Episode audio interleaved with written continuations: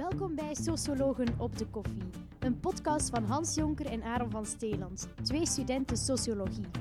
In elke aflevering bespreken ze een sociologisch onderwerp dat hen interesseert. In hun gezever naar de waarheid hopen ze enkele interessante inzichten tegen te komen. En dat allemaal bij een goede tas koffie.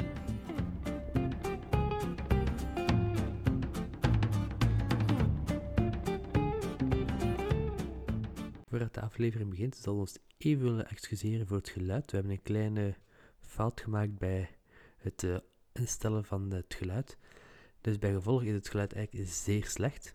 Maar er is ook goed nieuws, want het zal waarschijnlijk de laatste keer zijn dat het is met slecht geluid, aangezien dat we twee nieuwe micro's hebben gekocht, waardoor ik nu al door een van de twee spreek. Dus dit zal het nieuwe geluid worden vanaf de volgende aflevering. Um, je zal zien dat ook de aflevering klein stukje weggeknipt is, namelijk de intro van Hans, omdat daar het geluid eigenlijk nog slechter was. Maar ik zal dan even Hans spelen.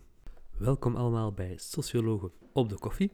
Na onze even verschijning op de Campus Cup hebben wij gemerkt dat onze kijkcijfers, eh, onze luistercijfers van onze podcast enorm de hoogte ingegaan zijn. En zelfs daarna nog verder. Waarvoor dat eigenlijk iedereen enorm willen bedanken om te luisteren, want zelf ook niet direct verwacht. Dus bij deze willen jullie bedanken en ook het gevoel geven dat jullie deel zijn van een groter geheel. Het geheel van sociologen op de koffie. En laat deel uitmaken van een groter geheel, nu net toevallig het onderwerp zijn van deze podcast. Het lijkt mij, gezien de actualiteit, de verkiezingen en vanwege de sociologische relevantie, een heel thema om te hebben over nationalisme, omdat dat eigenlijk een zeer sociologisch thema is, waarvan het wel belangrijk is. Hoe kunnen we daar op verschillende manieren naar kijken? Is dat concept relevant? Is dat concept niet relevant? Kunnen we daar iets mee doen? Kunnen we daar iets mee verklaren? En vooral, kunnen we er ook iets uit leren over, als we vanuit die nationalistische bril naar zaken kijken, wat kunnen we daar allemaal uit leren? Interessant.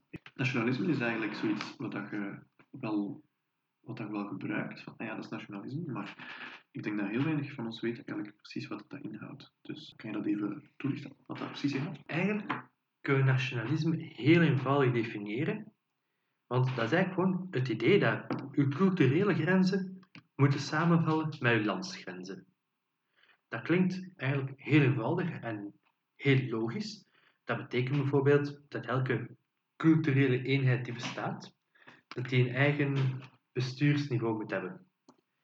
En ja, in eerste instantie denkt oké, dat is logisch. Dat betekent dat Vlaanderen zijn eigen land moet hebben, dat Catalonië apart moet zijn, dat we uh, Joden een land als Israël, dat dat gelegitimeerd is. Maar het wordt pas interessant dat je daar echt dieper op gaat inkijken van, ja, die culturele grenzen, waar trekken we die? Hoe ontstaan die? Waaruit bestaan die? En dat is eigenlijk een van de belangrijkste vragen die we vandaag gaan oplossen. Eh, oplossen, in kaart gaan brengen, want oplossen kunnen we dan niet. Het is ook geen probleem dat oplossen is, het is eerder gewoon een concept waar we daarover gaan babbelen. Ja, interessant. Uh, we hebben het al over Vlaanderen, we hebben het al over eh, Israël en Palestina gehad, we hebben het over Catalonië gehad.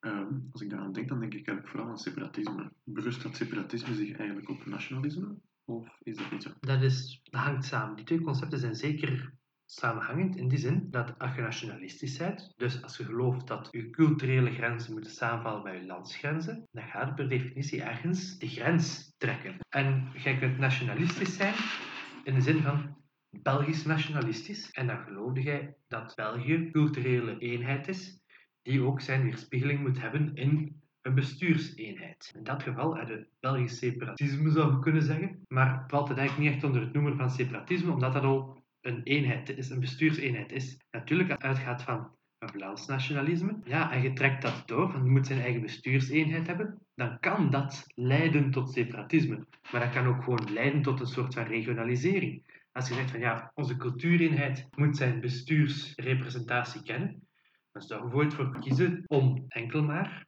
de bestuurseenheden die overeenkomen met uw culturele identiteit, of die nodig zijn om uw culturele identiteit te gieten in het vuur, om die te laten overkomen. Dus het is ermee gelieerd, maar het zou zeker niet zo ver gaan te zeggen dat elke nationalist een separatist is, maar dat separatisme wel een vorm is van nationalisme. Zeer interessant. Klopt het dat nationalisme een bepaalde vorm van macht inhoudt?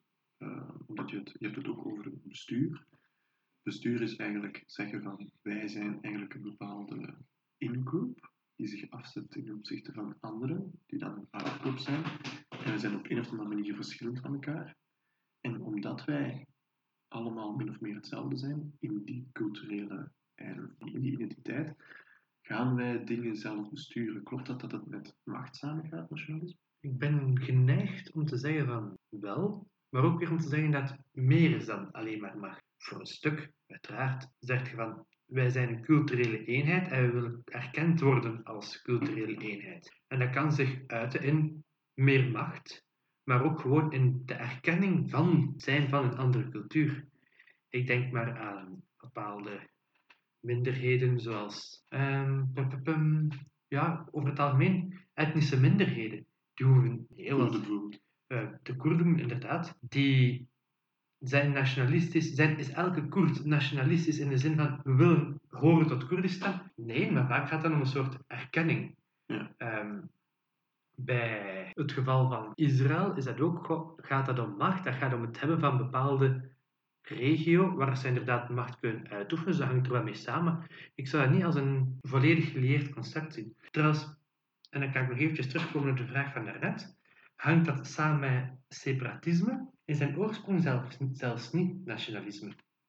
Als we gaan kijken naar wanneer dat de oorsprong is, ongeveer de 18e eeuw, dan gaat dat zelfs om een soort samenhorigheid. Want eigenlijk, nationalisme is in zijn sterke zin zelfs tegengestelde aan het verdelen, maar juist aan het verbinden. Gaan zeggen, wij zijn een groep, wij zijn één identiteit, wij zijn een collectief. Dat gaat juist om samenhorigheid. Als gaat kijken in de 18e eeuw, het summum van nationalisme, de Franse revolutie. Dat is eigenlijk een uiting van nationalisme, het idee van ja, de macht gaat uit van de nazistaat, niet van de koning, maar van zijn burgers, van, zijn, van het collectief. Dus ik zal zeker oppassen, het gaat om separatisme. Het gaat in eerste instantie om samenhorigheid, waarvan dat is zegt, die samenhorigheid gaan we definiëren en daardoor creëren we een uitgroep. En separatisme is dus maar iets bijkomstig, maar het gaat in eerste instantie om een soort samenhorigheid. Interessant. En het nationalisme gaat natuurlijk ook over samen, samenhorigheid van een hele grote groep. Ik zat te denken, misschien is er een link tussen ons idee van dat er een soort maatschappij is, eigenlijk ook nog maar sinds de 18e eeuw, dat wij beginnen te geloven dat er eigenlijk een, maatschappij is die, die bestaat, uh, die ons allemaal, waar we allemaal deel van uitmaken, waar we allemaal burger in zijn. Daarvoor bestond dat eigenlijk niet, het idee van een maatschappij. En ik vind het wel interessant dat net op dat moment dat nationalisme opkomt, dat je dan eigenlijk met dat nieuwe begin je ook een nieuw onderscheid te maken. Maar dat onderscheid maken lijkt me heel moeilijk, omdat je met die culturele grenzen zit. En ik vraag me dan af hoe je dan die culturele grenzen ja, mij lijkt het bijzonder vloe hoe, dat je dan met die culturele grenzen aan de slag gaat. Kan je daar wat meer over zeggen? Dat is zo de typische theorie van boundary making. Je hebt daar verschillende soorten boundaries, verschillende soorten grenzen die gemaakt worden en geconstrueerd worden. Je hebt bijvoorbeeld de symbolic boundaries. Dat is grenzen uiten door middel van symbolen. Een vlag is daar perfect voor. Dat toont duidelijk dat je tot een andere groep hoort als de rest. Heel simpel, als je bij zou spreken, stel nu, er is een betoging en in ene groep staat er met allemaal Vlaamse vlaggen eh, te zwaaien en de andere groep staat er met een Waalse vlaggen te zwaaien, dan is er een heel duidelijke symbolic boundary. Maar je hebt ook andere boundaries, bijvoorbeeld ethnic boundaries. Dat zegt van ah, onze etniciteit, wat ook een vloek concept is, maar die gaan wij definiëren door onze huidskleur, onze religie. En dan weten we, mensen met die huidskleur, die religie zijn aparte etniciteit, of die groepen zijn aparte etniciteit. Dat zijn bepaalde grenzen die je cultureel bepaalt. Bij die ethnic boundaries is dat heel duidelijk. Wij vinden, eh, cultuur kan zeggen van kijk, dan ook wel af van land tot land waar je die grens trekt. Want wij vinden religie een belangrijke als grens en dat heeft dan veel te maken met historische processen, waardoor dat, dat een significant kenmerk wordt. Of dat gezegd van, wij vinden huidskleur een significant kenmerk. Bij wijze van spreken is het perfect mogelijk om een grens te trekken bij mensen met een veel te grote neus. Die zeggen van, oh, dat is plots een significant kenmerk. om te zeggen, we trekken daar een grens. Ja, ik zie u lachen, Hans, maar het was wel bijvoorbeeld een rel met de carnaval, dat ze Joden afbeelden met een haakneus. Blijkbaar is daar een soort grens onderhandeld, dat we zeggen, dat kenmerk hoort bij die religie. Hoe, hoe dwaas dat ook is, dat soort neus hoort bij de Joodse cultuur. En dan kan ik kijken, oké, hoe is die grens er ooit gekomen? En dan valt het raar terug op licht nazistische propaganda. Maar dat maakt ook heel duidelijk, de grenzen zijn gewoon op een manier onderhandeld. Bijvoorbeeld in Frankrijk, als je gaat kijken hoe dat daar de ethnic boundaries gelegd zijn, dan gaat het terug tot een soort republikeinisme van Frankrijk, die uitgaat van een zeer sterke Franse chauvinistische cultuur. De stereotypen gaan ook dat Fransen chauvinistischer zijn, maar dat blijkt ook wel, als sociologisch onderzoekt, dat die symbolic boundary te hebben tussen bepaalde groepen echt ligt op de cultuur. Terwijl, zeker Duitsland, heeft daar een heel andere visie over. Daar ligt dat bijvoorbeeld veel meer op die religie. En daar gaat dus bepaalde grenzen trekken. En nationalisme is hetzelfde. Daar gaat ook op bepaalde grenzen trekken. Ga proberen duidelijk te maken van, oké, wij als Vlaming, een deel van onze identiteit is spreken van Nederland. Ehm, wij als, ik zeg maar eens, een Brusselaar zou kunnen zeggen, ah, ons deel van onze identiteit is juist die tweetaligheid. En ook de stereotypen daarbij. Want meestal hangt dat wel samen met stereotypering. De hardwerkende Vlaming is dan ook zo een manier om te zeggen van wij als Vlaming, onze identiteit, daar hoort werken bij. En dat is gewoon een cultureel proces van onderhandeling, hey, subtiele onderhandeling, tot waar dat je zegt, hier ligt ongeveer onze grens en dit is onze cultuur. En nationalisme is dan zeggen, die onderhandelde cultuur, die grens daar, is dan ook onze, moet dan ook onze landsgrens worden. Bij de Vlaamse nationalisten zie je dat die onderhandeling kenmerk de taal van het Nederlands is. Dus dat de Vlaamse nationalisten gaan zeggen, die grens is de taalgrens. Omdat dat ons significant kenmerk is. Interessant. Ik vind het heel interessant dat je dus eigenlijk die... Um, dat we dus eigenlijk op een gegeven moment zijn we als mensen rond een tafel gaan zitten. Of we zijn in een bepaalde setting gekomen van onderhandelen, wat jij dat dan noemt. Mhm. En dan hebben we die grenzen op een of andere manier ja, getekend of vastgelegd of uh, bepaald. Allee, we kijken hier bijvoorbeeld uit op uw tuin. Hè? Mhm. Ooit was dat hier gewoon grasland of polder, denk ik. Polder? Een weilandje. Een weilandje, zegt hij. Ooit hadden ze dus een weiland. Toen is er dus bouwgrond van gemaakt, op een of andere manier. En toen heeft men dus aan een tafel beslist dat op die lijn, dat daar de grens is van uw tuin. Ik zie dat uw tuin mooi is afge, afgewerkt met een houten hek. En wat bloemetjes om, om het hek te verdoezelen. En dan daar zie ik nog allemaal bloemetjes en plantjes. En dan zie ik ook een hek. Dat is ook heel ommuurd. Dus um, dat, heeft, dat heeft op een of andere manier is dat ooit heel arbitrair eigenlijk vastgelegd. En nu, ik denk dat uw huis ongeveer 20, 25 jaar oud is of zo. Elke dag ja, heb je daar de consequentie van. En leeft jij binnen, binnen uw domein, binnen die grens, en respecteert je dat. En zijn er vrederechters als, die, uh, worden onders, als, er conflict is tussen die, tussen die twee. Dus op een of andere manier is het iets heel arbitrairs, lijkt mij, wat enorm veel consequentie heeft. En wat enorm, uh, ja, echt groepen tegen elkaar kan uitsluiten. Want eigenlijk is het een vorm van uitsluiting, hè? Ja, ik, ben, ik heb bepaald heel wat interessante dingen horen zeggen. Ten eerste is het een vorm van uitsluiting. Ik heb het daarnet gezegd. Het kan ook een vorm van insluiting zijn. Zeker als we, naar de, als we echt naar de oorsprong kijken, dan is het echt een vorm van insluiting. Uh, neem nu begin de, negen, begin de 19e eeuw, de eenmaking van Duitsland. Dat is een prachtig voorbeeld van hoe dat heel wat provincies zeggen, we gaan samenwerken en dat Bismarck erin slaagt om te beroepen op een soort Duits nationalismegevoel, om die te verenigen. Guisem Garibaldi in Italië, hetzelfde, ook in slaagt in die provincies door een stuk nationalisme Noord en Zuid te, te verenigen. Dus uiteraard, zodra dat je zegt, hier is de grens van Italië, sluit ook een deel uit. Maar in zijn oorsprong is nationalisme wel het behoren tot een groep en een sterke vorm van inclusie. Kijk maar naar de Franse Revolutie, waar dat zelf zegt: iedereen die in Frankrijk woont is Frans en waar zelfs heel hard weinig voorwaarden wordt gesteld voor het nationalisme-idee. Het andere interessante dat ik u hoorde vertellen, dat was hoe dat je de grenzen van onze tuin beschreef. Want wat gaat jij doen als je naar de grenzen kijkt van onze tuin? Kijk naar een hek, kijk naar onze haag die een deel gaat um, afmuren, of letterlijk gewoon de muren van ons huis die de grens aangeven. Wij zijn geneigd om die fysieke grenzen heel goed aan te geven. Nu, we zitten een probleem als we dat gaan proberen met onze grenzen van onze cultuur. Dat we gaan zeggen van, ah, wij als culturele eenheid, wij moeten ons dan gaan definiëren. En dan zitten we met problemen. Want wat is dat? Wat is dat Vlaming zijn? En dat vastpakken, dat is een job waar je niet aan... Ah ja, zij, zij proberen dan bijvoorbeeld voor de inburgeringscursus door te geven, een Vlaming, wat is dat? Wat doet dat?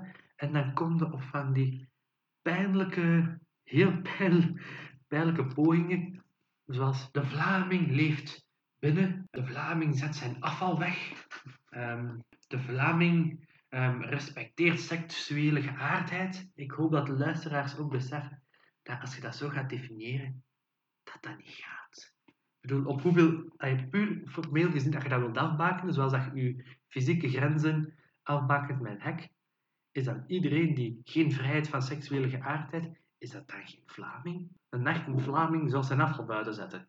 Op de juiste momenten. Ja, ja oké, dat staat in de, in de inburgeringscursussen.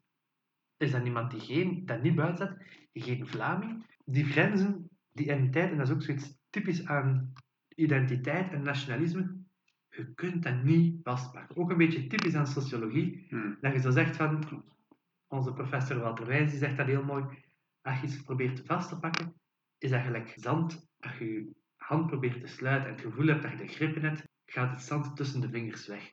En bij identiteit vastnemen en bij nationalisme is dat exact hetzelfde. Hoe meer dat je gaat proberen dat te concretiseren, hoe verder dat je er soms af zit. Het afval buiten zet als onderdeel van de Vlaamse identiteit. Het feit dat wij eerder binnenmensen zijn als onderdeel, is dat echt datgene dat ons... Is dat nu echt waar je de grens kunt trekken? Is onze taal datgene waar je je grens kunt trekken? Want dan zit u weer met al je regionale verschillen.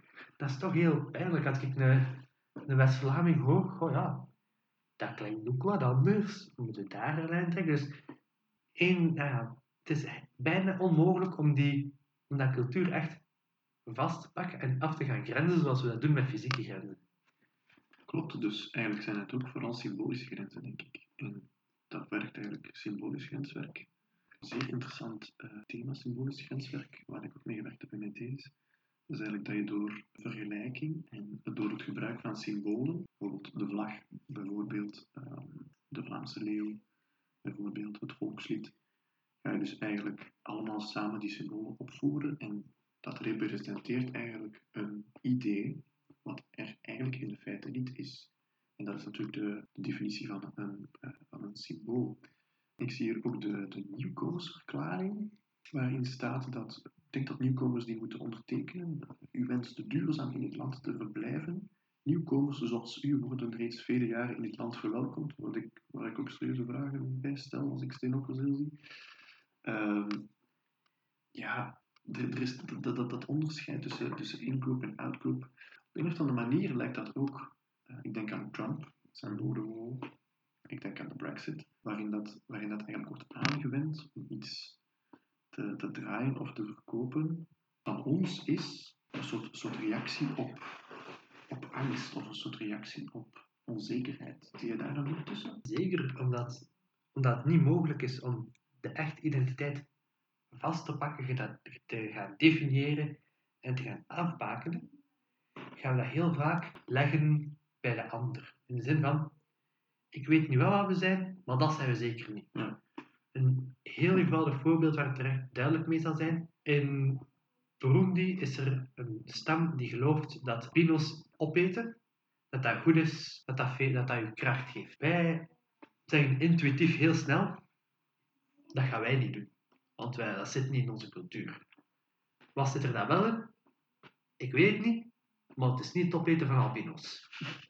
En op die manier, dat is nu een heel stom voorbeeld, maar wordt dat vaak op de tegenovergestelde manier gezegd. Vlaams nationalisten zouden wel zeggen, die vrouw draagt een hoofddoek. Ik weet niet wat dat wij zijn, maar dat zit niet in onze cultuur. En op die manier, dat doe ik dus met vaak de tegenkant, wij zijn, wij zijn dat niet. En dat maakt ook identiteitsvorming een stukje interessant, omdat dan gaat inderdaad gaan kijken naar, naar een soort angstbeeld van maken, of toch een beeld maken dat dat niet goed is voor onze cultuur. Dan gaat dat bijvoorbeeld samenhangen, dat hoofddoek in debat, met onderdrukking en vrouwenrechten. Want vrouwenrechten zijn iets wat wij als typisch Vlaams zouden zien en bij onze Vlaamse waarden zetten en gaan zeggen, ah kijk, dat is is anders dan de Vlaamse cultuur. En dat is op die manier in strijd met onze cultuur. En op die manier creëert je vijandschap. Voor duidelijkheid, ik heb hier niet gezegd dat het te maken heeft met onderdrukking, maar probeer maar uit te leggen hoe dat nationalisme vaak samenhangt met angstideeën. Het is eigenlijk een heel efficiënte manier om alle neuzen in dezelfde richting te krijgen. Want ik denk bijvoorbeeld aan de Brexit, eigenlijk een, uh, een zeer economisch uh, en sociaal vraagstuk, wat eigenlijk door de, de exit party is verkocht als een migratie-issue. Doordat er in feite heeft dat er wel mee te maken, maar als je Nigel Farage bezig wordt, dan, dan heeft hij echt zoiets van, we gaan terug controle nemen over ons eigen land. Hij sprak zelfs over een nieuw Independence Day, wat een beetje sarcastisch is als je al die koloniën bekijkt, die, die van Engeland vieren dat ze net onafhankelijk zijn. En ja, het, het, het de United Kingdom is, is eigenlijk ook in feite, hangt ook, hangt ook zo los aan één gelijk iets. Hè. Denk aan Schotland, denk aan Northern Ireland. Dus um, op een of andere manier, ja, mensen, mensen, mensen, mensen pakken dat of zo. Dat, dat spreekt mensen aan. Denk ook bijvoorbeeld aan het succes van, uh, van NVA de laatste tien jaar van Vlaams Belang nu met recente verkiezingen. We zijn, we zijn een paar weken geleden gaan stemmen. Denken we ook aan, uh, aan de recente opkomst van dit jaar. Een of andere manier speelt dat in op die angst. Krijg je daarmee heel makkelijk mensen achter dezelfde vlag of achter hetzelfde idee. Omdat je inderdaad heel sterk die, die dingen maakt tussen in-group en out-group. Zie je daar een verband tussen, tussen, tussen die dingen? Er zijn heel wat, heel wat dingen om daar een verband te zien, maar inderdaad, het is eenvoudig als je zegt van, zijn dit en wij zetten ons af tegen iets anders. In dit geval, bij de brexit was dat een beetje raar, die verhouding tussen in- en out-group, omdat men heeft daar wel gespeeld op migratie, maar dat niet op de Europese migratie. Dus daar zit de in- en out-group verhouding zeer raar, omdat de in-group was zogezegd Groot-Brittannië en de out-group de rest van de Europese Unie. Maar men heeft dat debat dan gekanteld tegenover een discussie tussen de in-group van het Verenigd Koninkrijk tegenover de niet-Europese landen. Yes. Dus op die manier is die verhouding tussen in- en out-group bij de brexit zeer, zeer lastig. Want uiteindelijk, nog je zo waarschijnlijk wel zien, als er verklaring er is, gaat dat tegen Europese en zeker tegenover West-Europese migranten, gaat dat geen probleem zijn, omdat dat zou gewoon te veel, dat zou op de arbeidsmarkt zeer pijnlijk, veel pijnlijk zijn, maar men probeert dat dan te verkopen als een in-out group tegenover die niet-Europese landen. We gaan eens wat, uh, we gaan eens wat klassieke sociologen tegenaan smijten. Hè? Want we hebben hier natuurlijk uh, een Durkheim-Weber-discussie.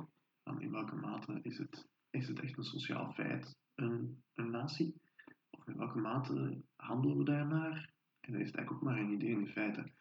Want uh, ik, ben, ik ben half Nederlander, dus als ik, als ik naar Nederland ga, als ik de grens oversteek, dan voel ik me echt in een ander land. Dat is eigenlijk heel raar. Uh, een Durkheimiaan zou mij gelijk geven, omdat er een ander collectief bewustzijn is. Maar een Weberiaan die zou zeggen van ja, Hans, hou jezelf voor de gek. Kun je dat zo zeggen?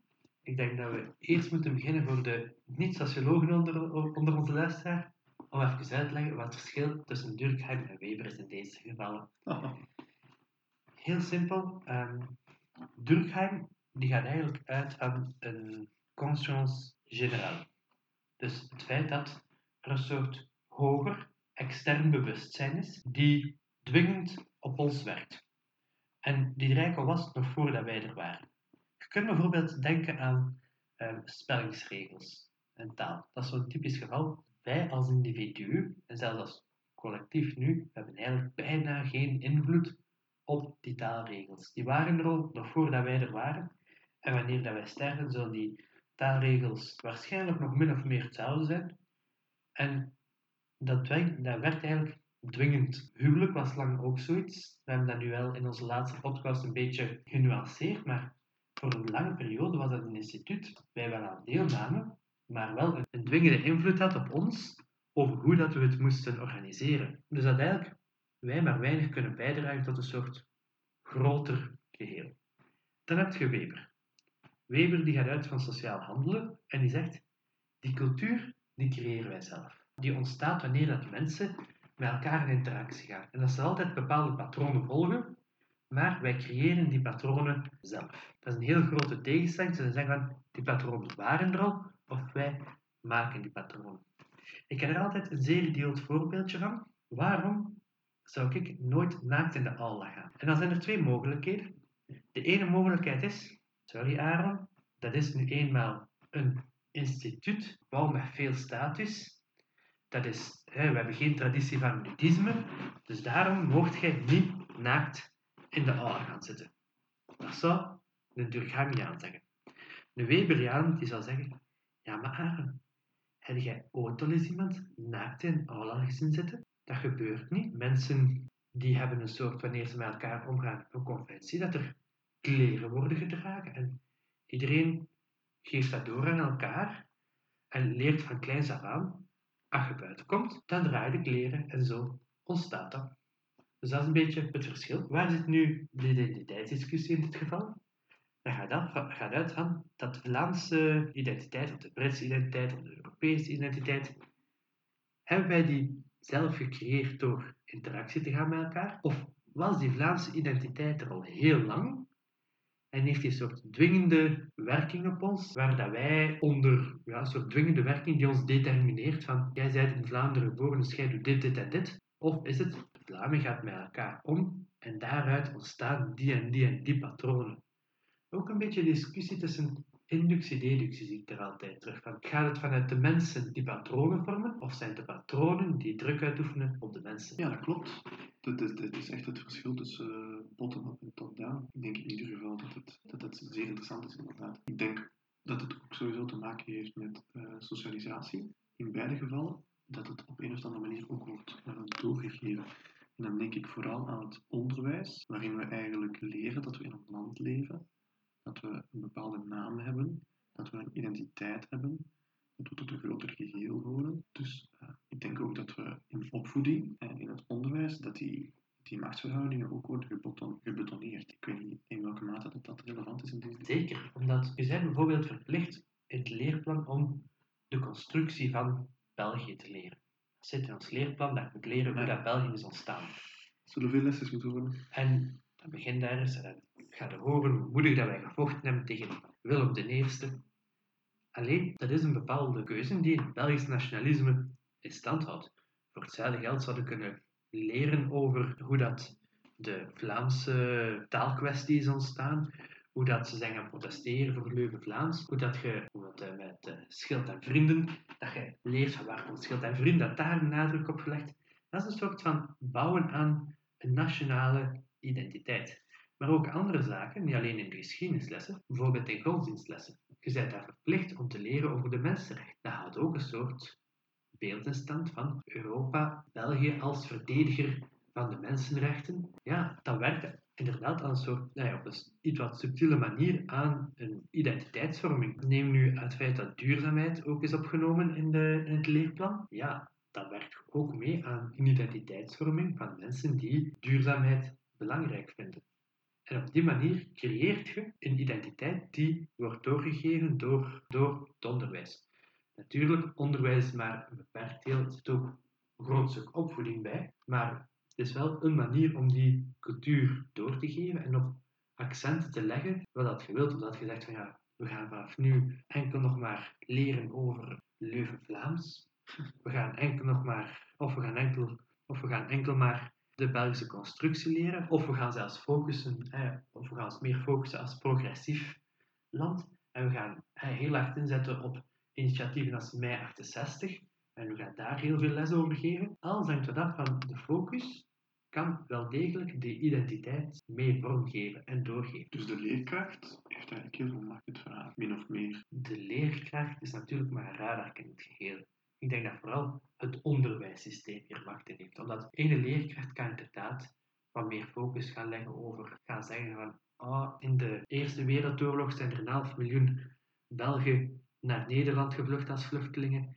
En nu gebeurt hetzelfde met de vluchtelingenstromen in, in Syrië, die kanten, Afghanistan, In die landen vluchten ze nu naar hier, net zoals wij dat gedaan hebben. De leerkracht kan daar focus op leggen, maar wat bereikt die? 100 man niet echt genoeg om een hele cultuur en identiteit te gaan vormen. Maar als je als onderwijssysteem in je eindtermen zet, duurzaamheid is belangrijk. Als je zegt mensenrechten zijn belangrijk. Als je zegt de Belgische onafhankelijkheid is belangrijk. Ja, dan leert je natuurlijk wel iets dan doet dat natuurlijk wel aan identiteitsvorming. En in sommige landen gebeurt dat meer dan in andere landen, waar effectief wordt bepaalde delen van de geschiedenis echt gefocust wordt om meer identiteitsvorming te krijgen. Denk maar aan Rusland en aan uh, Turkije, waar dat wel heel intensief gebruikt Ja, ik, ik, ehm, ik denk bijvoorbeeld aan uh, bepaalde anti-VS-landen, zoals bijvoorbeeld, uh, ik denk dat, dat Iran bijvoorbeeld um, daar een voorbeeld van kan zijn. Dat er in de, de handboeken die de scholieren gebruiken, eigenlijk wordt doorgegeven dat, ik denk zelfs in Rusland ook, dat de, dat de VS eigenlijk een, uh, een zeer onbetrouwbaar handelspartner daar via, via de kennis, via de overdracht van die ideeën, krijg je ook die macht bevestigd, denk ik. Schoolboeken zijn inderdaad nog iets zeer interessant. Om de zoveel tijd heb ik wel eens de omdat er niet te veel genderstereotypering is in onze schoolboeken, want dat zou niet van onze tijd zijn. en dat is dan heel, heel interessant dat, dat, dat, dat het dan een issue is dat in de krant komt en het uitgewerkt wordt van kijk, dat past niet in onze identiteit. Vroeger was dat wel, was een beetje aangepast, maar die boeken zijn niet mee aangepast en hoe moeten we daarmee omgaan? Uh, bijvoorbeeld, zeg maar het, uh, de diversiteit in de, in de onderwijsboeken is ook zoiets waarvan dan zegt van ja, als je gaat kijken, op de meeste schoolboeken staan er wel mensen op van een andere origine. Dat is ook een manier om dat door te geven, wat ook misschien wel belangrijk is of niet, dat laat ik in het midden. Maar je ziet daar dat, die, dat er dan identiteit wordt doorgegeven door, ja, denk ook maar aan discussies als de Zwarte Pieten discussie. Ja. Is er ook een onderdeel van dat we zeggen, ja, mensen van een uh, Afrikaanse origine, hoe gaan we daarmee om? En geven we geen verkeerd beeld mee? Kinderen, ja of nee? Dat is daar ook een zeer interessant voorbeeld van. Ja, ik denk dat de zwarte discussie eigenlijk, uh, dat is zo typisch het voorbeeld van een projectieplaatje. Hè? En iedereen projecteert daar op wat hij wil. Ik denk dat het probleem is met de zwarte discussie, uh, met de zwarte pieten discussie, is dat heel veel mensen daarin racisme zien geprojecteerd. En dan dat eigenlijk, zeker in Nederland, zien als een soort legitimatie van racisme. Terwijl als we in de feiten gaan kijken, dan gaat het eigenlijk over een bepaalde traditie. Van oké, dat zijn heel hakkelijke discussies. En uh, ik stel voor dat we de zwarte discussie hierbij afronden.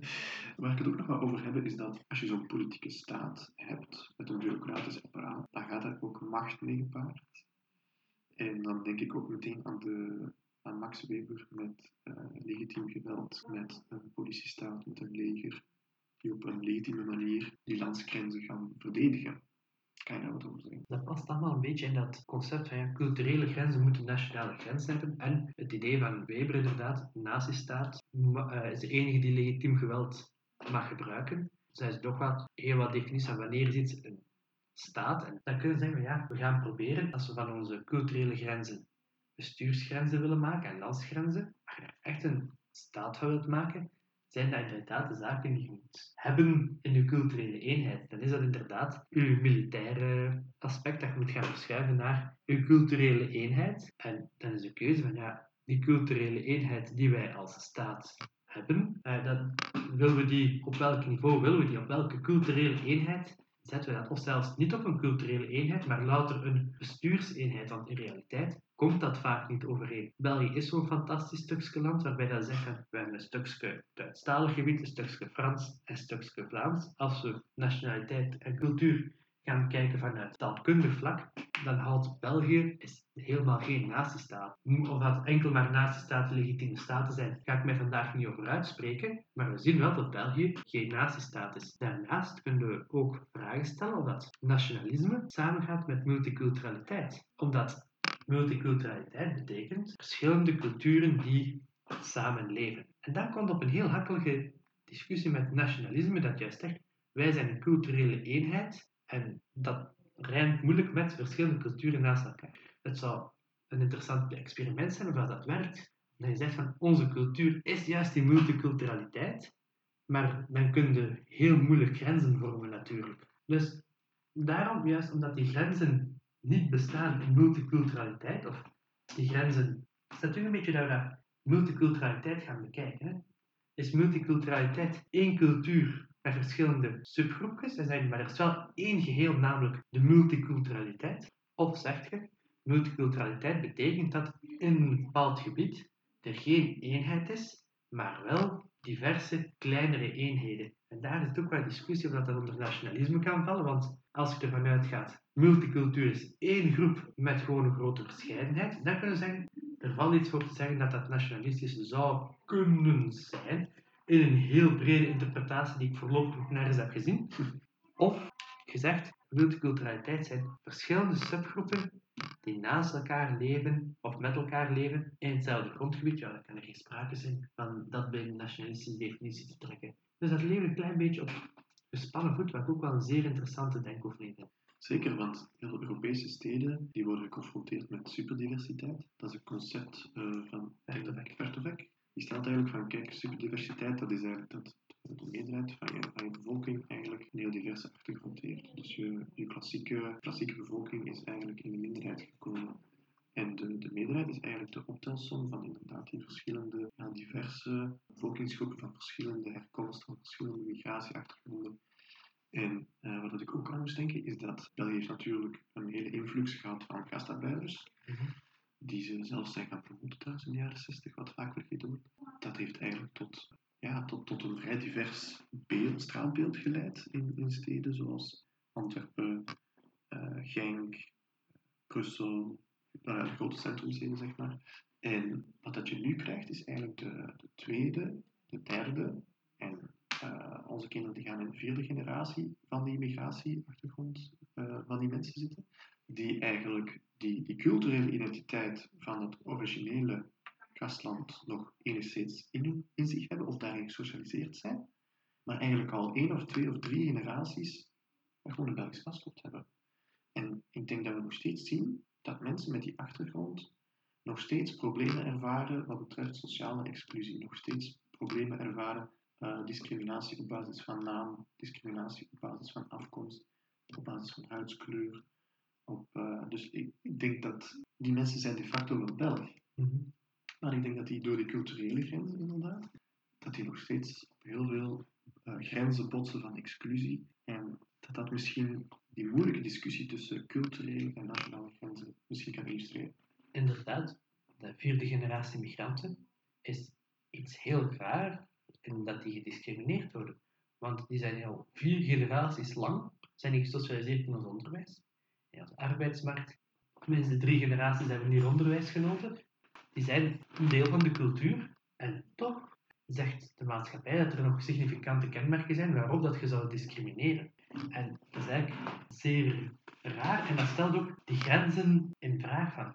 Die grenzen zijn zeer gevoelsmatig. En die vierde generatie migranten, die weet bijvoorbeeld wel dat de Belg, dat de Vlaming zijn binnenleeft, niet na zo x aantal uur buiten komt, zijn afval buiten zet, zien en toch is daar vorm van discriminatie, dus blijkt daar nog ergens een significant kenmerk te zijn om op te splitsen. En op die manier denk ik dat het moeilijk zal zijn om naar nationalisme te gaan in een multiculturele samenleving en dat nationalisme daardoor een klein beetje, hij toch in zijn strenge definitie, niet kan samengaan met multiculturaliteit. En dat daardoor ook zoveel nationalistische partijen problemen hebben met multiculturele samenlevingen. Omdat het concept van nationaliteit, van nationalisme en culturele eenheid ondergraaft. Wat uiteraard vraag stelt bij de praktische mogelijkheid en de praktische relevantie van nationalisme. Inderdaad, ik vond het heel interessant dat je zei van die, die, grenzen, dat ligt eigenlijk enorm gevoelig, omdat we, ja, we zien eigenlijk dat dat echt een zeer, zeer, zeer diep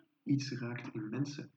En ik denk dat het daar ook ja, dat, zeker als je die grenzen gaat trekken, ik denk bijvoorbeeld enkele Britse, ex-Britse kolonies, zoals Israël-Palestina, maar ook met, met India en Bangladesh uh, zijn, er, zijn er heel veel. Uh, in India was het dan uh, op basis van religie, Hindoes of Boeddhisten, nee, sorry, Hindoes en moslims. Met Kashmir is, is daar bijzonder fout gegaan. Die, die zijn getrokken door een, door een Britse ambtenaar, compleet vervreemd van de gevoeligheid van het thema daar. En ik denk dat hetzelfde probleem is met 1948 in Palestina toen uh, de UK daar wegging. Toen hebben ze ook die, uh, die grenzen getrokken. Daar hebben we vandaag nog enorm veel problemen mee en enorm veel conflict. Uh, die grenzen trekken kan ook tot heel conflict leiden, blijkbaar. Wat je nu zegt is enorm interessant, omdat ik heb juist heb de stelling opgeworpen op internet dat nationalisme niet kan bestaan in, culturele, en dat ook de grenzen onduidelijk zijn.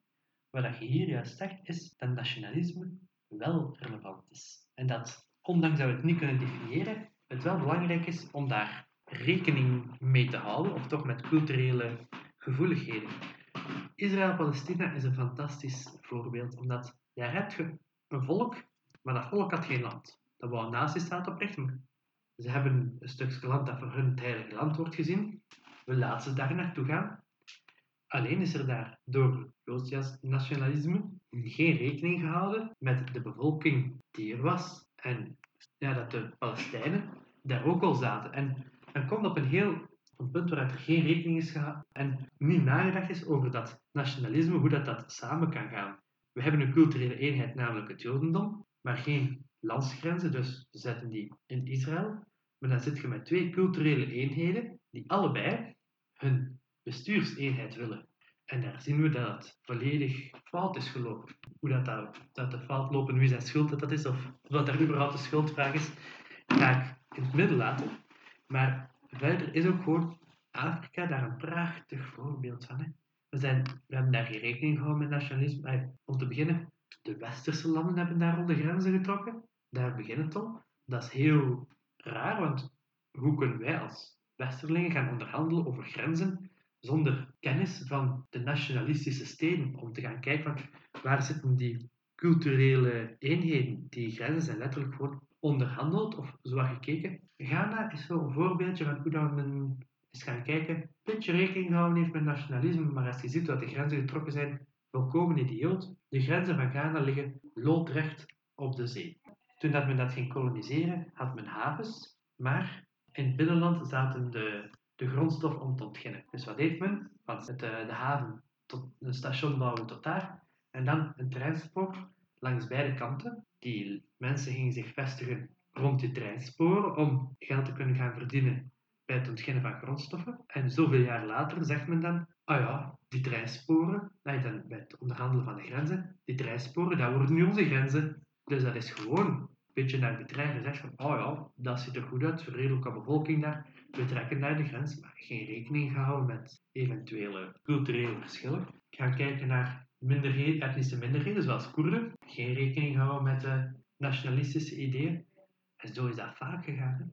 Bij de kolonialisering ook, van, dat is gewoon onderhandeld met een paar westerse blanke mannen van ah, welk stukje is voor u, welk stukje is voor mij.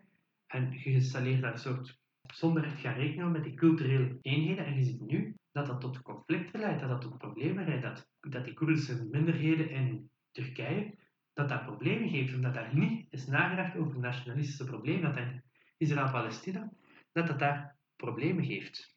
Klopt, heel vaak gaat het ook over economische belangen natuurlijk. En jammer genoeg leert de geschiedenis dat, we, ja, dat, dat het eigenlijk heel vaak ging over de, de blanke mannen die, die het meeste voordeel bij hadden. Is natuurlijk ja, vanuit progressief standpunt natuurlijk afschrijfelijk voor de plaatselijke bevolking. Maar ik denk wat betreft economische belangen, bijvoorbeeld ook aan de Westerse Sahara, dat is een vrij groot stuk woestijn eigenlijk, wat Marokko claimt, ten zuiden van Marokko. En dat is eigenlijk niet erkend door het internationale gemeenschap. Marokko claimt dat het inherent deel is van de Marokkaanse cultuur, maar het ligt heel gevoelig in Marokko trouwens. Als, er, als er mensen zijn die zoals ik naar, uh, deze zomer naar Marokko gaan, begin niet over de Westerse Sahara of zeg dat het deel is van Marokko. De reden daarvoor is eigenlijk dat Marokko is eigenlijk een heel uniek land, omdat het 75% van de fosforvoorraad in zijn territorium heeft. Dat is ongelooflijk veel. Ik denk dat uh, Rusland iets van 15% heeft of zo. Maar Marokko heeft 75% van de fosforvoorraad wereldwijd. Dat heeft een stuk te maken met het klimaat van Marokko. Dat schijnt ideaal te zijn. Dat schijnt een unieke combinatie te zijn van die, dat kruispunt tussen bepaalde klimaatzones. Is daar in de rotsen, in de woestijn ook voor een heel groot stuk. En in Marokkaans zeegebied, ondergrond, enorme fosforvoorraden gevonden. En die fosfor die is van levensbelang in de landbouw. Dus Marokko die zit daar gewoon op een goudmijn. En ik denk dat vandaar ook dat die, die Westerse Sahara zo graag willen hebben.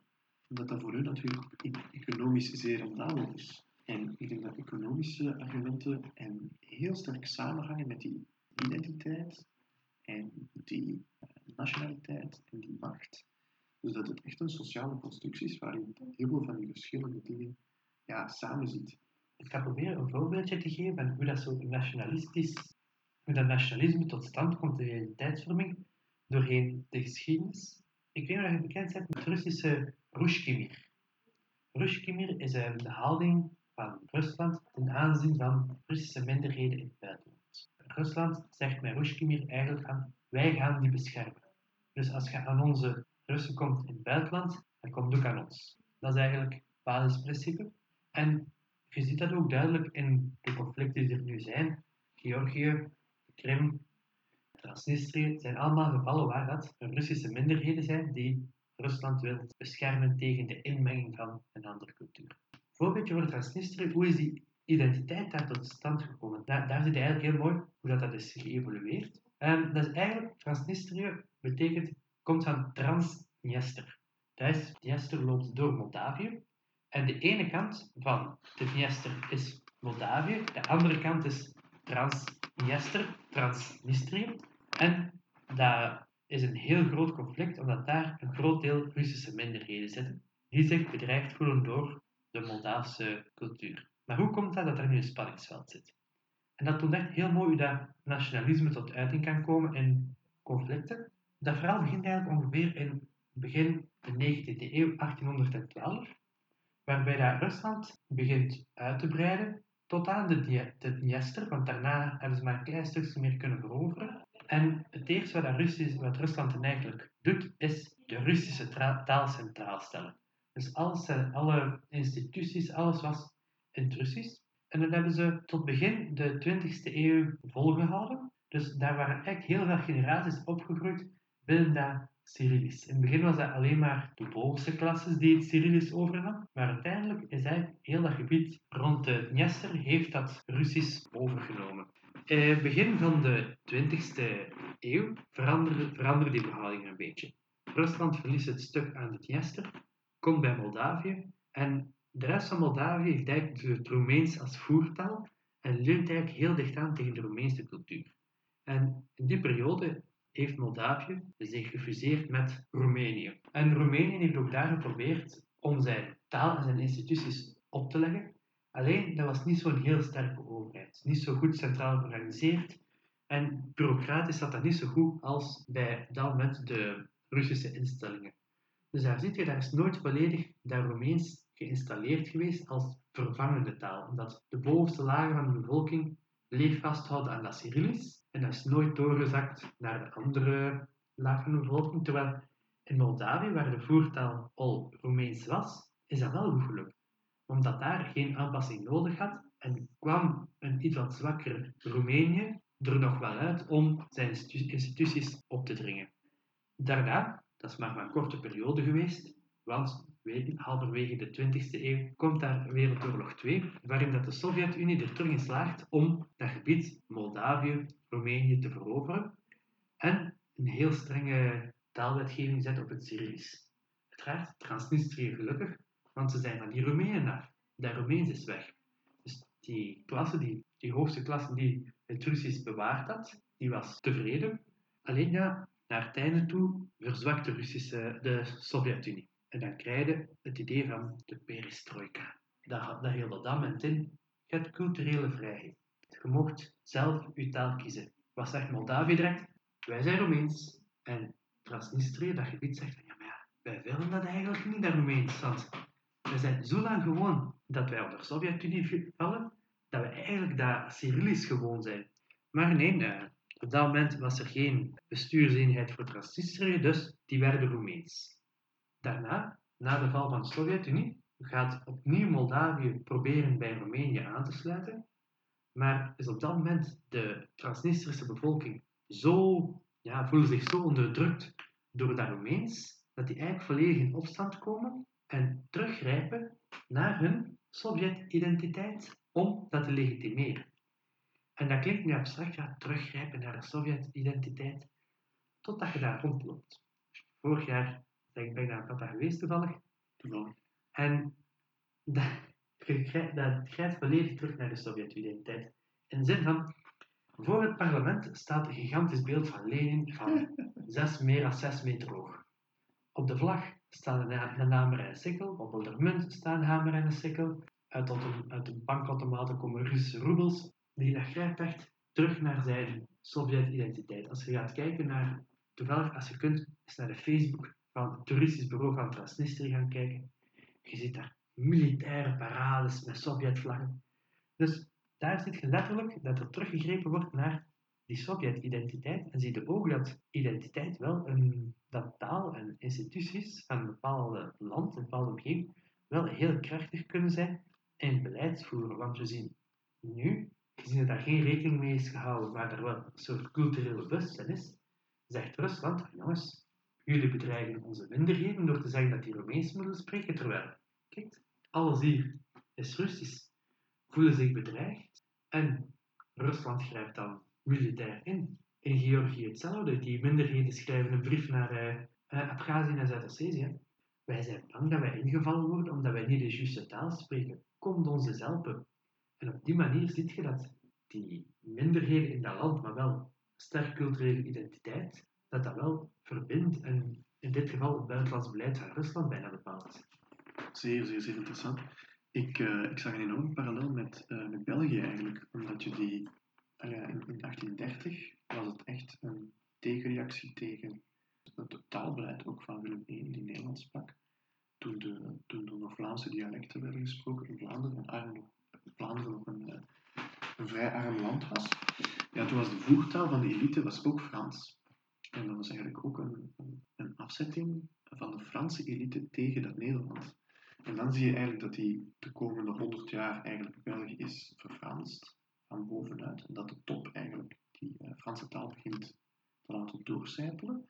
En vandaar ook dat gigantische protest van wij, wij willen onze eigen taal, wij willen onze eigen cultuur. Dus een taal blijkt dan toch enorm belangrijk te zijn in die culturele identiteit.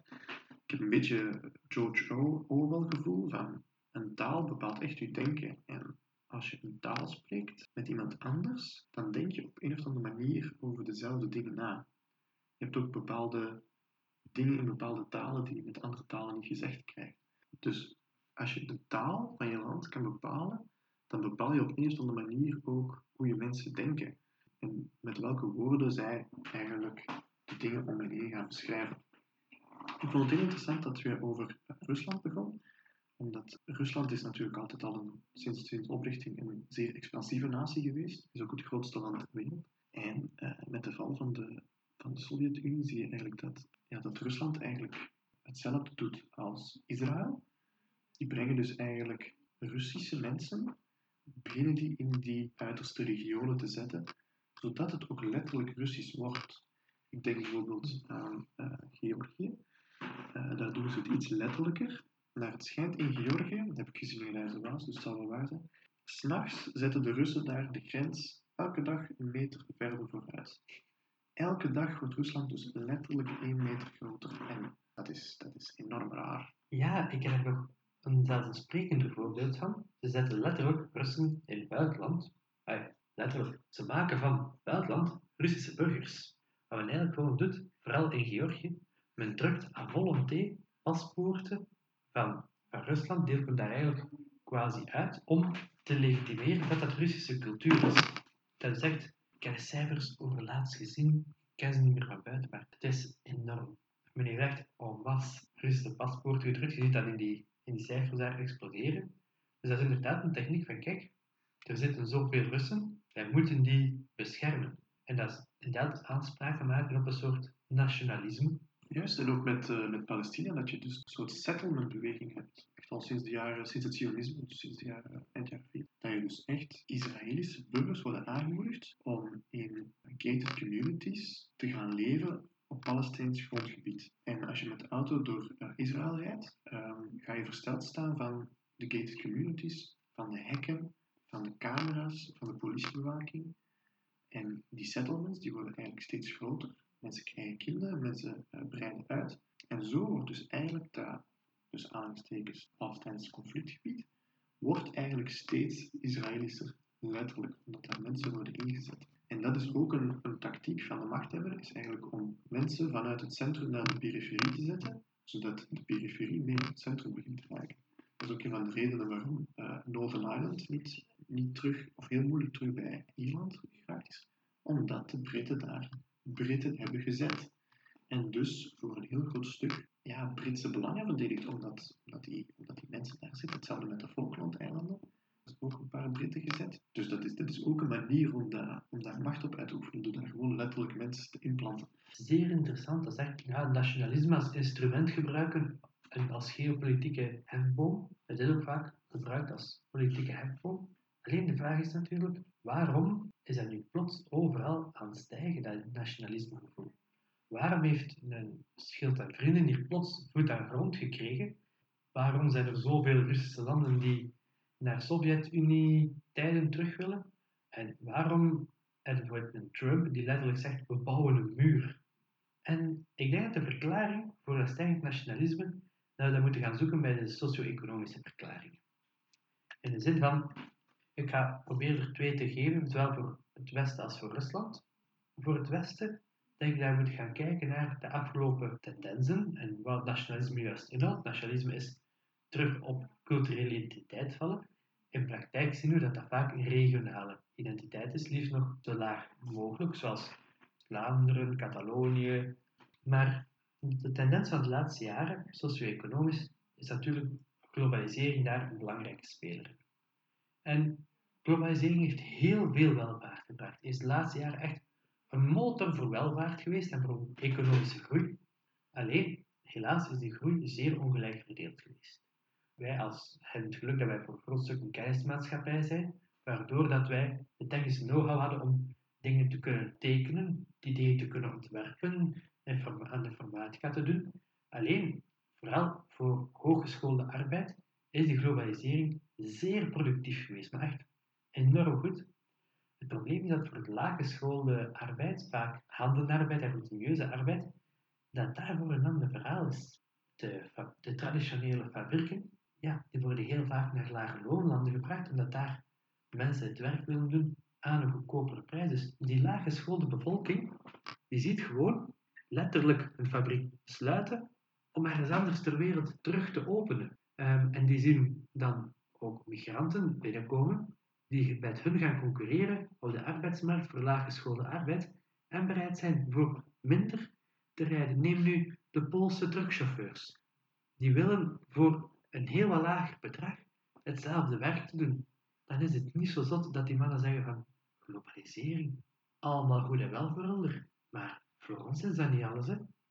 Dat, dat ze in Amerika zeggen van landen als, um, staten als Detroit, dat volledig de auto-industrie naar landen als Mexico is gegaan, dat die mensen zeggen van jongens, ik ben wel mijn job verloren door die globalisering. We zouden toch een beetje op onszelf moeten kunnen. Dat is dan een zeer, zeer logische reactie. En dan zie je dat dat reactie vertaald wordt in nationalisme naar die Vlaamse identiteit, naar terug iets grijpen naar dat standvastig was, dat wel nog voldoende arbeid was waaruit er voor die iets wat lager geschoolde bevolking meer mogelijkheden waren. Klopt, en dat, dat teruggrijpen, dat, dat is inderdaad heel actueel, denk ik, in het geval van Hongarije. En nu ook heel recent in het geval van Polen. Dat Polen is eigenlijk sinds zijn oprichting, heeft eigenlijk vrij kort bestaan. Toen ze werd ingepand door Rusland. Nu de nieuwe vijand van Polen is de EU. Dus Polen zit eigenlijk gesandwiched tussen twee grote machten.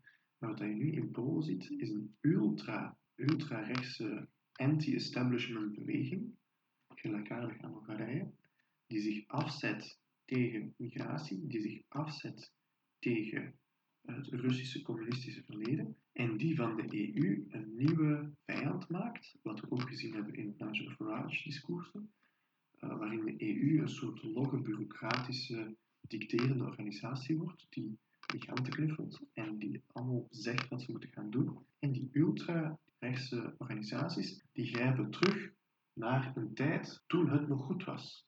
Toen was het allemaal goed. Toen was Polen echt een, een, een Polen om trots op te zijn.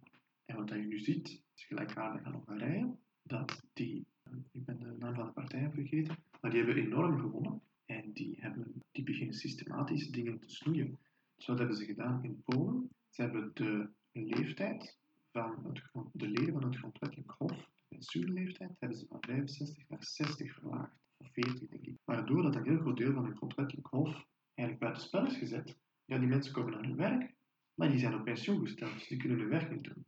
Dus op die manier heeft Polen een heel groot deel van haar democratisch gezag ondermijnd, waardoor ze op een heel snelle manier eigenlijk er heel veel dingen hebben kunnen doorduwen. Of denk bijvoorbeeld ook aan Viktor Orbán, die bijzonder gekant is tegen migratie, die het geld naar de Centraal-Europese Universiteit in Hongarije gewoon heeft stopgezet, omdat er een paar kritische stemmen waren. Denk bijvoorbeeld ook aan Erdogan, die, uh, er is één site die het bijhoudt, die gewoon iedereen die ruikt naar de Gulen-beweging, die ook nog maar één haartje kritiek heeft op zijn beleid, gewoon het land wordt uitgezet of gewoon de gevangenis ingeland.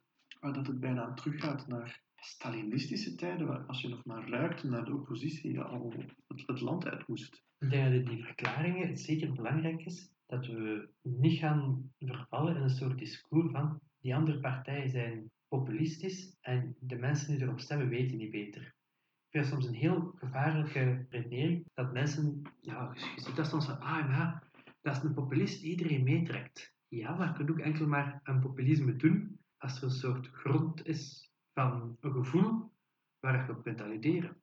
En in dit geval denk ik dat dat die verliezers zijn van de globalisering, die het gevoel hebben dat het voor hen echt internationale worden van de wereld niet heeft bijgedragen tot meer welvaart. En dat je aan die mensen wel kunt zeggen, en is dat dan niet op populistische wijze, van jongens, wij gaan dat anders doen. Wij bieden een nationalistische uitkomst. En dat juist is. Wij bieden een nationalistische oplossing, dat die daarom juist goed pakt, omdat die wel alludeert op iets en niet per se omdat de mensen zogezegd beter worden. En daarin zit ook een beetje, denk ik, het verval van verval, het achteruitgaan van linkse partijen in het Europese continent, omdat daar heel vaak wel antinationalistische gedachten zit in de zin van meer internationale samenwerking. Maar je kunt moeilijk zeggen tegen iemand die juist zijn job is verloren omdat het, fabriek gewoon verhuist naar laag loonland, dat je internationaal moet gaan samenwerken. Uiteraard, dat kan voordelen hebben, dat zeg ik niet. Maar het is moeilijk om dat te verkopen aan die persoon. En neem hetzelfde voor het geval van klimaatpartijen.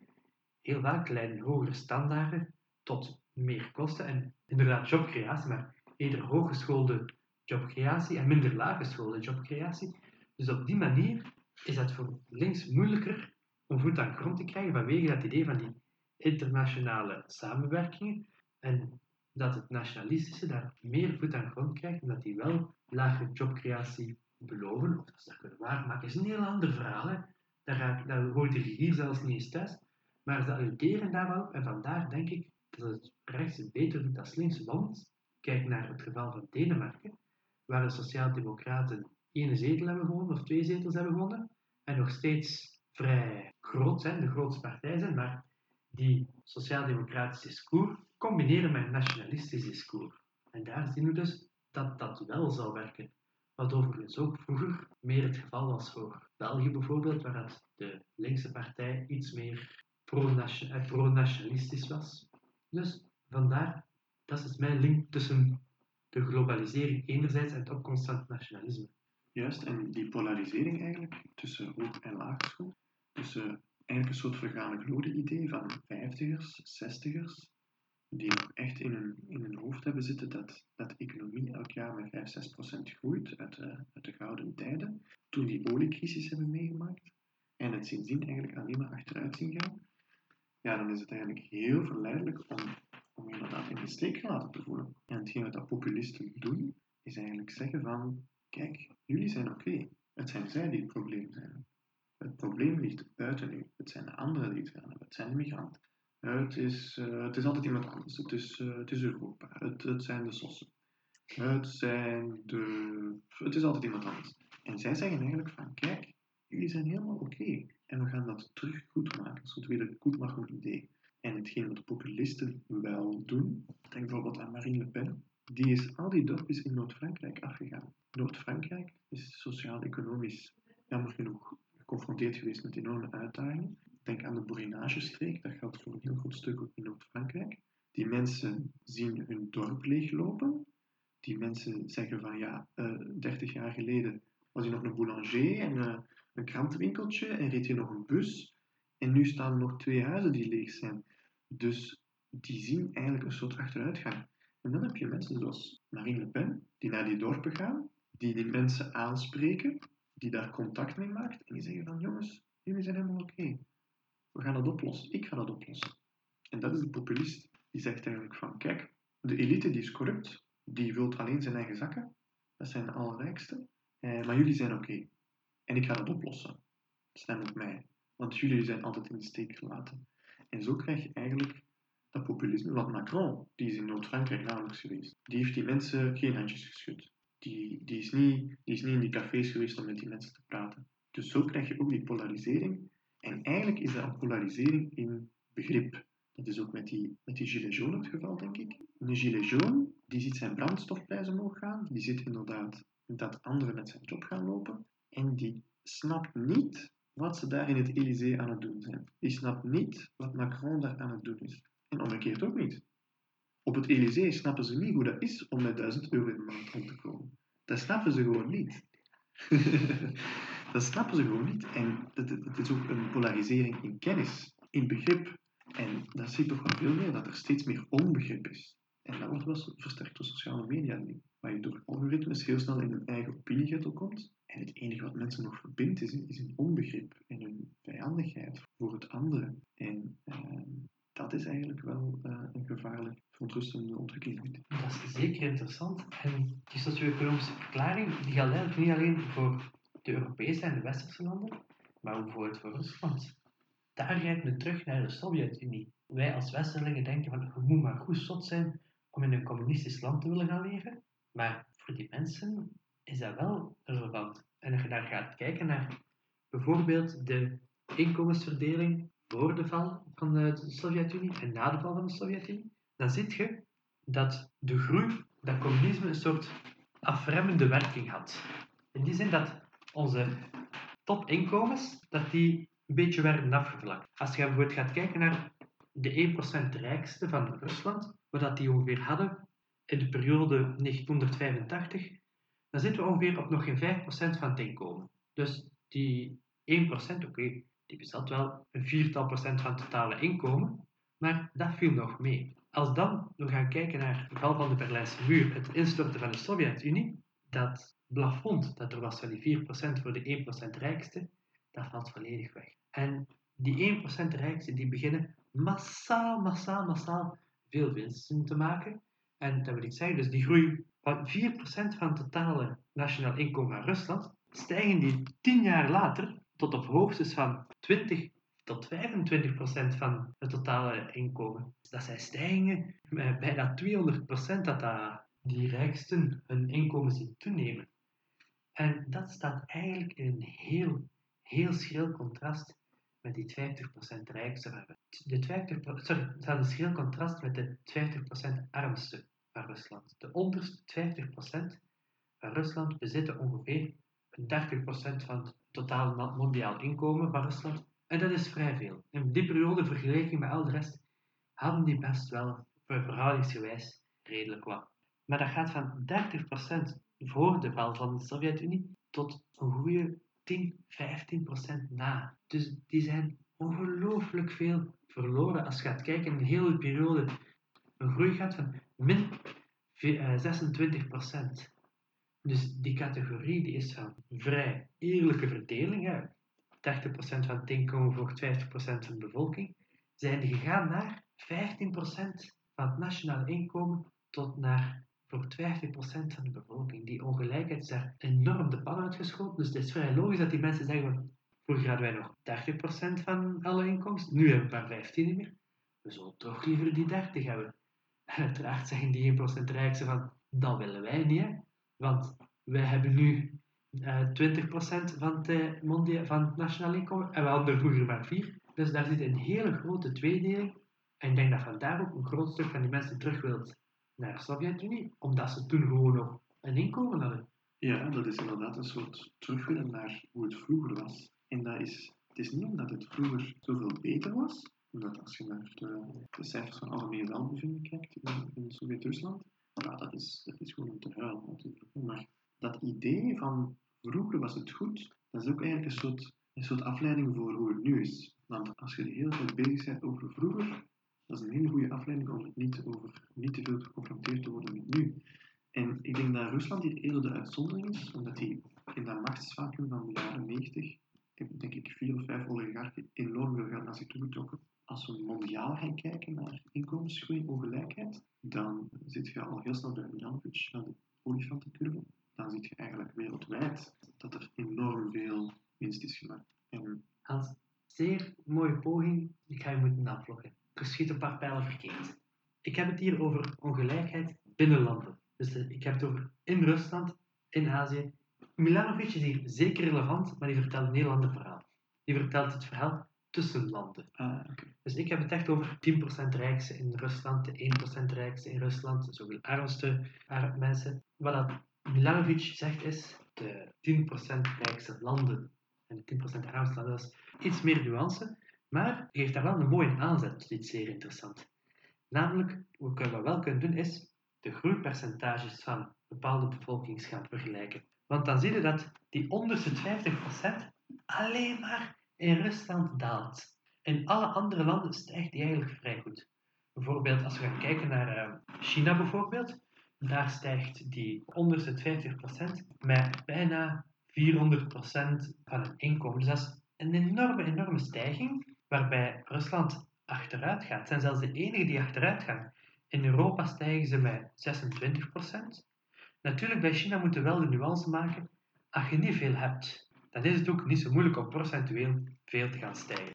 En dus Rusland is er een heel raar voorbeeld in dat daar de enige land is waar dat er effectief 50% van de bevolking op achteruit gaat. En zelfs uw middenklasse, de Russische middenklasse, gaat er niet op achteruit, maar stijgt maar met 5% in hun inkomsten. Wat een zeer groot contrast is tegenover elk ander land. In Europa stijgen die met 34%, in India met meer dan 100%. Ondanks, moet ik wel zeggen, dat de groei van Rusland bijna gelijk is. Iets minder dan die van Europa, maar gewoon zeer, zeer, zeer, zeer ongelijk verdeeld. Niettemin, je hebt daarnet Milanovic aangehaald. Ik denk dat dat wel interessant is, omdat die illustreert een heel ander verhaal. Die gaat gaan kijken naar de verhoudingen tussen landen. En waar zitten die en waar zit de groei tussen de landen? En dan zie je, hier in België weten we, de economie, 2% groei en we zijn gelukkig. Zoveel. En alleen, dat zie ik daar, en daar moet ook al moeite voor doen, maar een heel groot stuk van de bevolking dat wel een groei heeft. Ik zal het een beetje anders uitleggen. Die groei die wordt geïllustreerd door de olifantencurve. En je moet je dat een beetje voorstellen als inderdaad een olifant. Je begint met de staart, je gaat omhoog, je hebt een heel platte rug, je gaat stijl naar beneden en dan met de slurf terug omhoog. Wat houdt dat in? Je hebt eerst 5%, de 5% armste landen, bijna geen groei kennen. Dat zijn echt de, zoals Somalië, die kanten, waar een zeer instabiele overheid, waar de overheid niet van de grond gaat. En dan stijgt dat langzaam tot vrij hoge hoogtes. Ze moeten een toename van tot 70% van het nationaal inkomen. Dus landen die heel hard en heel intensief, die heel hard groeien, maar nog relatief armer zijn dan ons. Die hebben een lager nationaal inkomen dan ons, maar wel een sterke groei. Lees India, Brazilië, China, al die landen, zeer hoge groei. En dan gewoon met die slurf even naar beneden en dan zitten bij ons.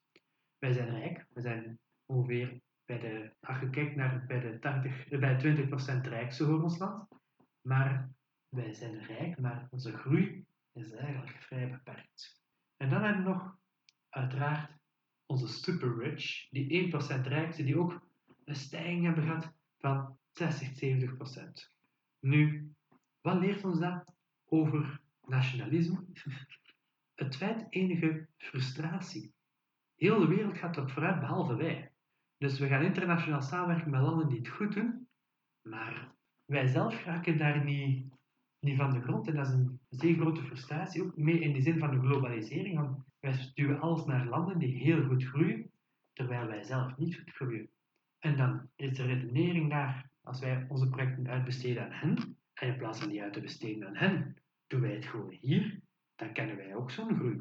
Dus een beetje een poging om die recepten toe te passen hier, dat leidt naar een soort nationalisme. Dat is op een veel indirectere manier dan dat we dat zien bij de, bijvoorbeeld Rusland, die terugkomt naar de Sovjet-Unie, waar op een heel directe visuele manier zichtbaar is, is Milanovic via een non-werkje kunnen hem ook gebruiken om te verklaren, maar ik hou persoonlijk iets meer van om die binnenlandse ongelijkheid en die ongelijkheidsverschuiving daar als reden voor opkomst nationalisme te bekijken dan de mondiale ongelijkheid. Inderdaad, daarbij hebben we ook gebruik gemaakt van Kitty, een uh, rapport over ongelijkheid in de wereld 2018.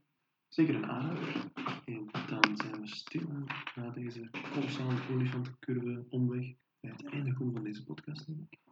Wil jij graag nog iets toevoegen? De laatste bombshell droppen? Klein samenvattingsje misschien. Hè. Maar wat moeten mensen nu eigenlijk onthouden na meer dan een uur podcast?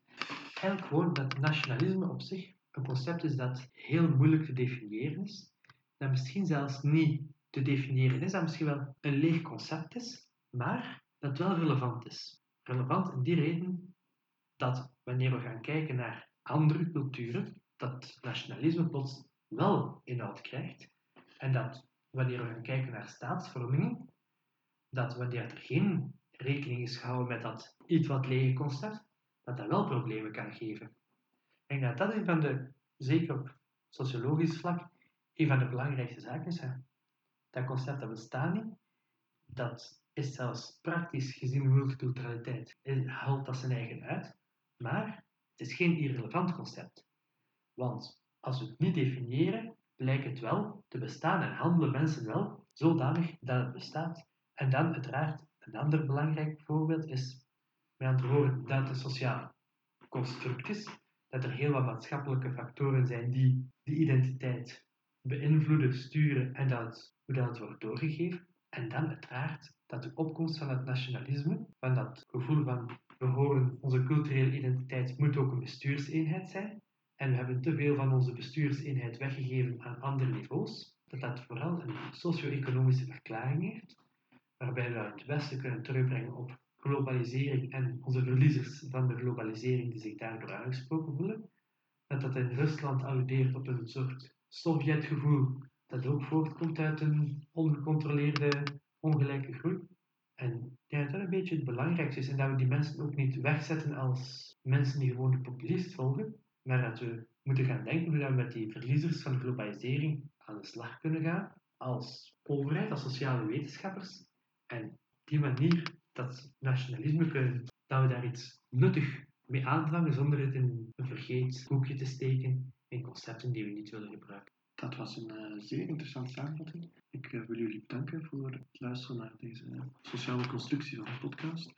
wij zitten hier ook maar aan de keukentafel te babbelen over sociologie. Dat is ook een zeer interessante sociale constructie die we zelf maken. Kortom, dit waren Hans en Aaron Sociologen op de koffie.